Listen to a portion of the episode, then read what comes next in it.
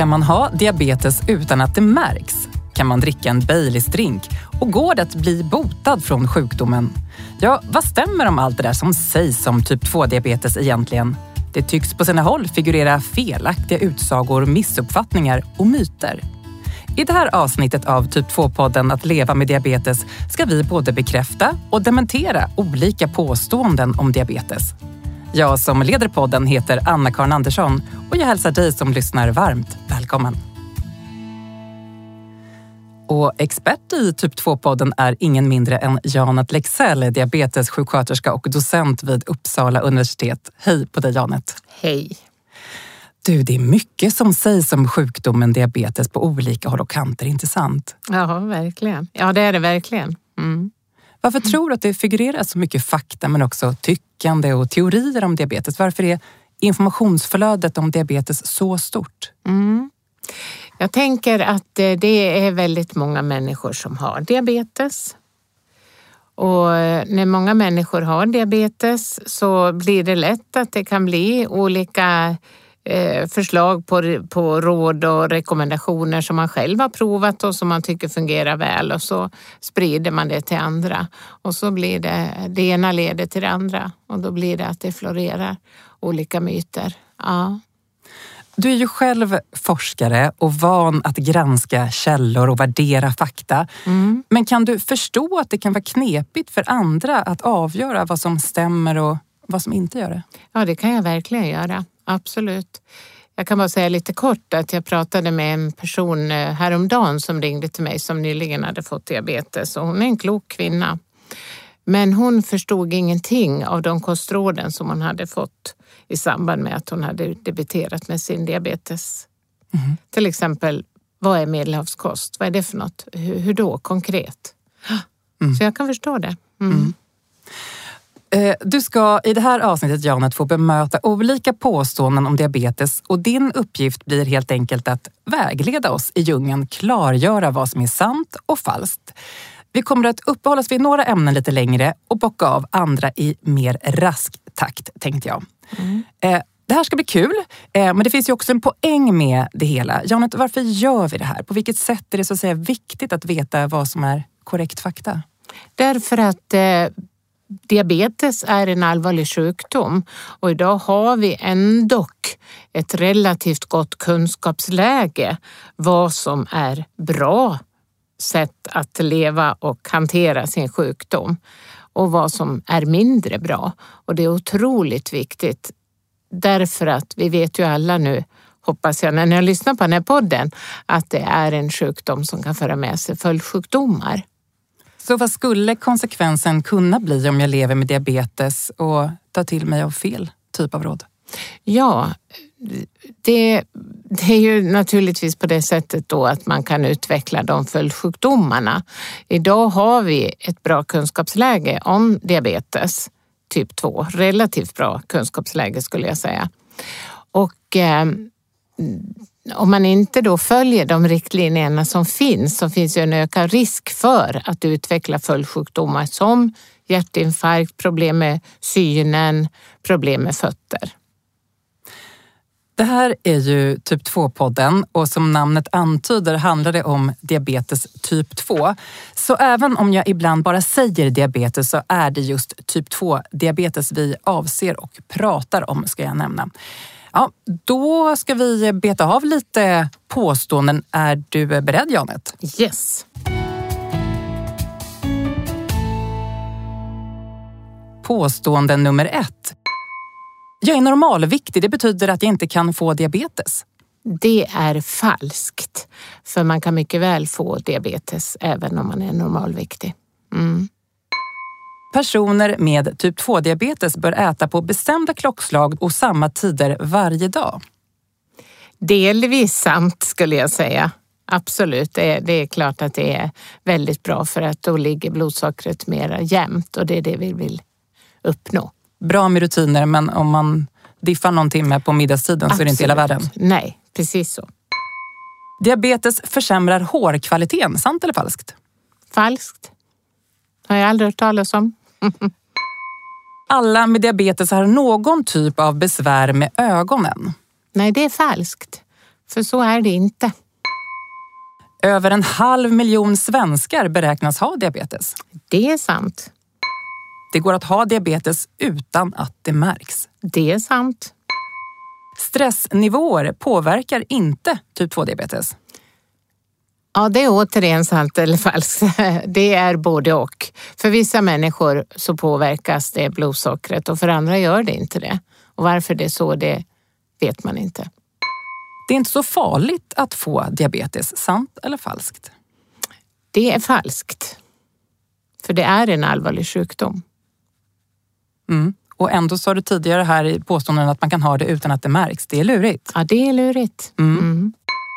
En viktoperation som gastric bypass ger positiv effekt för dem med diabetes. Sant eller falskt? Sant. Ja, det var snabbt. Ja, ja, det, det, ja, det är sant faktiskt. Ja, ja, Det finns många studier och även svenska studier som visar på det. Mm. Cola light är ett bättre val än äppeljuice. Sant.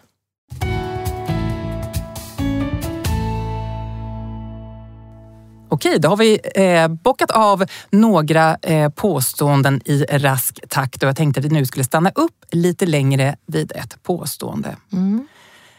Och det är Diabetes är en kronisk sjukdom. Den går inte att bota. Ja, så brukar det heta, men så saxar jag här från lite olika sajter. Till exempel hittar jag vignetten Framgångsberättelse och rubriken Thomas åt sig frisk från sin diabetes. Det här är en ganska lång text och jag ska inte läsa upp hela den, men i stora drag så går den ut på att Thomas har gått upp mycket i vikt efter att han skadat foten. Han har blivit stillasittande och vid ett läkarbesök får han veta att han har diabetes. Och Thomas får höra att det är en sjukdom som han kommer ha livet ut. Sen kommer en intressant del i den här eh, artikeln. Thomas nämner att han själv är skeptisk till det som sägs om mirakelkurer och dieter. Han skriver då i den här artikeln. När min fru läste i Expressen om en kvinna som hade blivit av med sin diabetes bara genom att lägga om sin kost, då tog jag det bara som en i raden av alla sensationsartiklar. Möjligtvis en anekdot med lite sanning. Jag dissade artikeln direkt. Men så ger han sig då ändå på den här dieten. Det är någon form av LCHF-kost och ett par månader senare kunde Thomas lägga alla sina mediciner på hyllan och hans blodfetter och HbA1c-värde är bra. Janet, jag vänder mig till dig här nu. Vad ska man tänka om allt det här? Går det att bota diabetes eller inte om vi börjar med det raka påståendet först? Nej, det går inte att bota, men precis som Thomas beskrev här så går, går det naturligtvis att hålla blodsockervärdena i schack så att, man, så att man mår bra med sin sjukdom. Och sen om vi ska säga några ord om, om kosten så är det ju viktigt förstås att kolla kolesterolet och det gick tydligen ner här primärt för Thomas då. Men det är viktigt att kolla upp det på sikt för att det kan gå upp med tiden. Mm. På vilket sätt har till exempel då Thomas i den här som, som, som själv tänker att han är frisk, på vilket sätt har han då ändå sjukdomen? Ja, därför att han har ju de här två problemen som man har vid typ 2 diabetes, nämligen att eh, insulinen, man har inte tillräckligt med insulin på sikt så att det räcker inte att föra in blodsockret i cellen. Eh, plus då att man inte har alla de här nycklarna som insulinet ger för att kunna öppna cellerna till energi till våra celler. Det här var ju bara ett exempel. Berättelser om just hur eh, dieter kan bota diabetes förekommer ganska ofta. Mm. Eh, Thomas nämnde det ju till och med i sin egen framgångshistoria. Men, men hur ska man förhålla sig till dem? Man vill ju inte misstro de här människorna som är så nöjda och stolt redovisar sina fina värden efter sina kostförändringar. Nej, det är ju jätteviktigt naturligtvis att man eh, promotar ett sånt eh, fantastiskt eh, lyckosamt eh, flöde så att säga för den här personen. Men det är också viktigt att följa upp det kontinuerligt och hittar man, om man, då jobb, om man till exempel väljer då att eh, äta LCHF-kost så är det ju, man kan ju inte neka människor till, vi lever ju inte i någon diktatur menar jag, utan vi, då måste vi ju faktiskt lyssna på personen i fråga. Men då bör personen komma lite oftare till mottagningen och kolla upp sina prover. Det är jätteviktigt. Jag läser också en artikel som har 20 år på nacken från Aftonbladet. Den handlar om Ingmar, 50 år. Han är den första svensk som är botad från sin svåra diabetes, handlar artikeln om. Fick nytt liv är rubriken. Att få bli frisk är bättre än att vinna högsta vinsten på Lotto, säger han. Ingmar har genomgått två transplantationer av insulinceller vid Akademiska sjukhuset i Uppsala. Och det har gjort att han kastat sina sprutor och är frisk. Naturligtvis märkligt och underbart på samma gång. Jag är fortfarande lite ställd men lycklig. Det känns helt fantastiskt att bli frisk efter 33 år som diabetiker, säger han. Janet, vad säger du om det här då? Med transplantation av insulinceller, går det att bota mm. diabetes? Ja, alltså eh, det här är ju då, jag vill verkligen understryka att han har ju då typ 1 diabetes och inte typ 2 diabetes går jag utifrån. Och det görs ju den typen utav naturligtvis eh, ingrepp, att man kan få nya eh, betaceller som då ger som, som insöndrar insulin. Då. Eh, det är dock inte så att det är någon behandling som gäller för alla personer med diabetes typ 1. Utan man har strikta indikationer till vem som kan få de här celltransplantationerna då. Sen vill jag också lägga till här att om man gör en sån här transplantation så måste man äta läkemedel och det läkemedlet eh, ger en ökad risk för att få cancer längre fram. Och det den liksom problemet har man ännu inte löst. Så att det är ju ingen behandling som man kan ge till alla. Dels för, som jag nämnde då, så på grund av att det är ja, lite ökad risk för att få cancer. Men också förstås är det ju en ekonomisk eh, aspekt i det hela. Mm. Men du står kvar vid svaret kring påståendet diabetes går inte att bota? Ja, nej det går inte att bota. Nej. Vad ska man tänka på då om man har lyckats förbättra sina värden så att man känner sig frisk men ändå då har sjukdomen på sätt och vis? Du var inne på tätare kontroller och hålla uppsikt över sig. Det... Ja, ja, det är ju det det handlar om. Och göra det till, ett, eh, till en del i livet, tänker jag. Mm. Och det finns ingen risk att man känner de här livsstilsförändringarna inte känns lika värdefulla när man ändå hör dig säga den hårda domen, att den går inte att bota? Nej men grejen är ju den att eh, att äta och, och liksom röra på alltså det, äta det bra och röra på sig, det är ju något som vi alla mår bra av. Så det är ju inga konstigheter på det sättet. Det som kan vara lite svårt det är ju att upprätthålla de här så kallade livsstilsförändringarna på sikt. Och där menar jag att eh, diabetesvården kan vara ett stöd till de här personerna. Mm. Du som forskar och har god inblick i den vetenskapliga mm. världen, kan det bli en sanning på sikt tror du? Kommer diabetes att kunna botas om vi blickar framåt? Ja, det är så här att eh, det kan faktiskt bli ett genomslag i vetenskapen. Så att imorgon kanske vi kan bota. Men det kan också ta hundra år till. Vi får Där se när vi, gör, när vi ändrar påstående svaret i podden längre fram. Yes, då ska vi gå vidare med lite fler påståenden i lite mer snabb takt. Det finns diabetes typ 1 och 2, men det finns också andra typer av diabetes. Sant eller falskt? Sant. Diabetes ökar risken för hjärt och kärlsjukdomar. Sant. Man bör inte dricka kaffe om man har diabetes. Det är ju vätskedrivande. Falskt. Mm -hmm. Hur mycket kaffe ska man dricka då? Ja, så mycket du kan få i dig. Skojar du? Nej, men det är bra. Mm. Ja. Fler män än kvinnor har diabetes, sant eller falskt? Ja, eh, man vet ju inte riktigt då, men eh, det var en studie från 2015-2016 som visade att det var ungefär likadant, men att kvinnor får typ 2-diabetes något senare. Och det innebär då att eh, män är något överrepresenterade i Sverige. Mm. Men ganska För, jämnt låter det Ganska som. jämnt är det. Mm. Mm. Diabetes kan göra dig blind.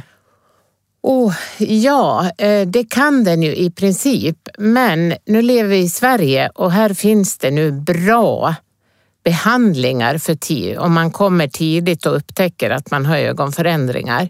Så att idag mm, är det nästan ingen som blir blind till följd av diabetes i Sverige.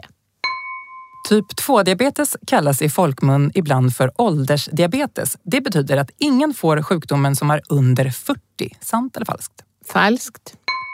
Att beställa en Baileys-drink är ett no-no för en person med diabetes. Socker, fett och alkohol i ett och samma glas. Värre kan det inte bli. Ja, det är så här då att någon Baileys lär man ju kunna få ta. Därför att alkohol sänker ju blodsockret. Ja. Mm. Men en inte Baileys varje. En liten dag. ibland, men en inte... liten ibland, men inte varje dag.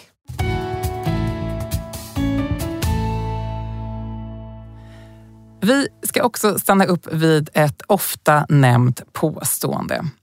Att få typ 2-diabetes beror endast på hur jag lever. Nu kommer vi in lite på de här kost och livsstilsvanorna igen.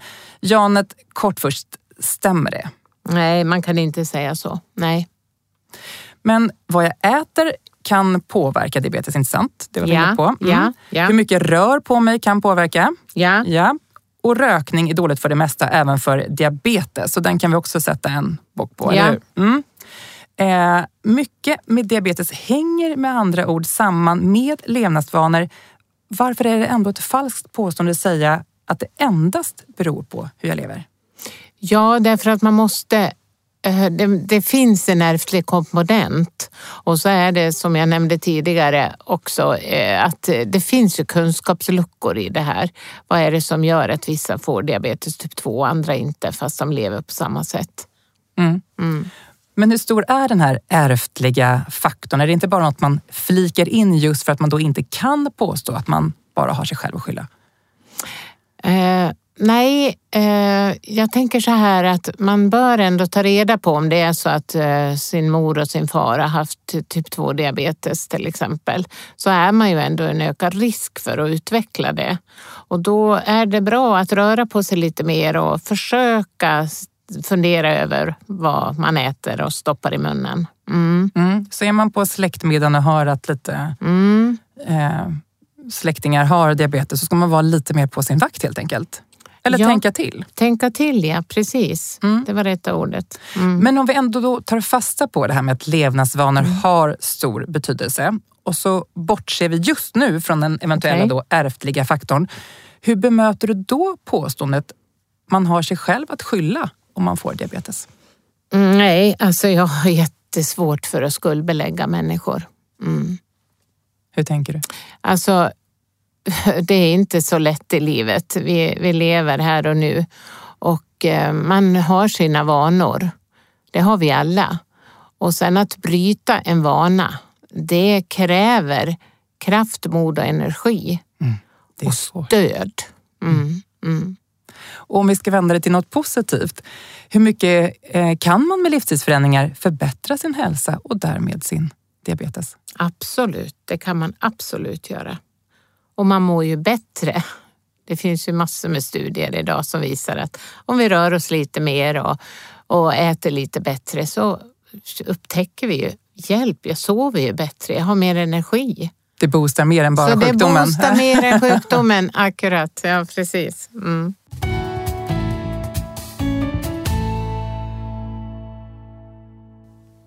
Ja, vi ska ha lite fler påståenden nu som vi ska eh, bekräfta eller dementera. Personer med diabetes tål inte socker. Det är falskt. Det är falskt, men det finns faktiskt en organisation som gjorde en undersökning kring just det här påståendet för ett par år sedan och då trodde faktiskt eh, hela 38 procent att det påståendet var sant. Mm. Så det här med att inte tåla socker tycks höra ihop med folks idéer och tro om sjukdomen diabetes. Det här påståendet då, rökning ökar risken för diabetes? Ja, det finns eh, studier som visar på det. Men den stora risken är om du redan har diabetes och röker, för då, kan, då hamnar du i en försämrad situation vad gäller då följdsjukdomarna. Att snusa ökar risken för diabetes. Vad säger du om den då? Ja, det är ungefär samma svar. Men där finns det inte lika mycket studier gjorda. Men ehm, ja, eh, som jag nämnde tidigare så är det framför allt om du redan har diabetes. Att som kvinna få klåda i underlivet, det kan vara tecken på diabetes. Sant. Alla som har diabetes äter någon typ av medicin. Sant. De allra flesta. Den som tar hand om sig och sin typ 2-diabetes minskar risken för följdsjukdomar. Sant. Alla med diabetes får någon typ av fotproblem förr eller senare. Nej, det är falskt.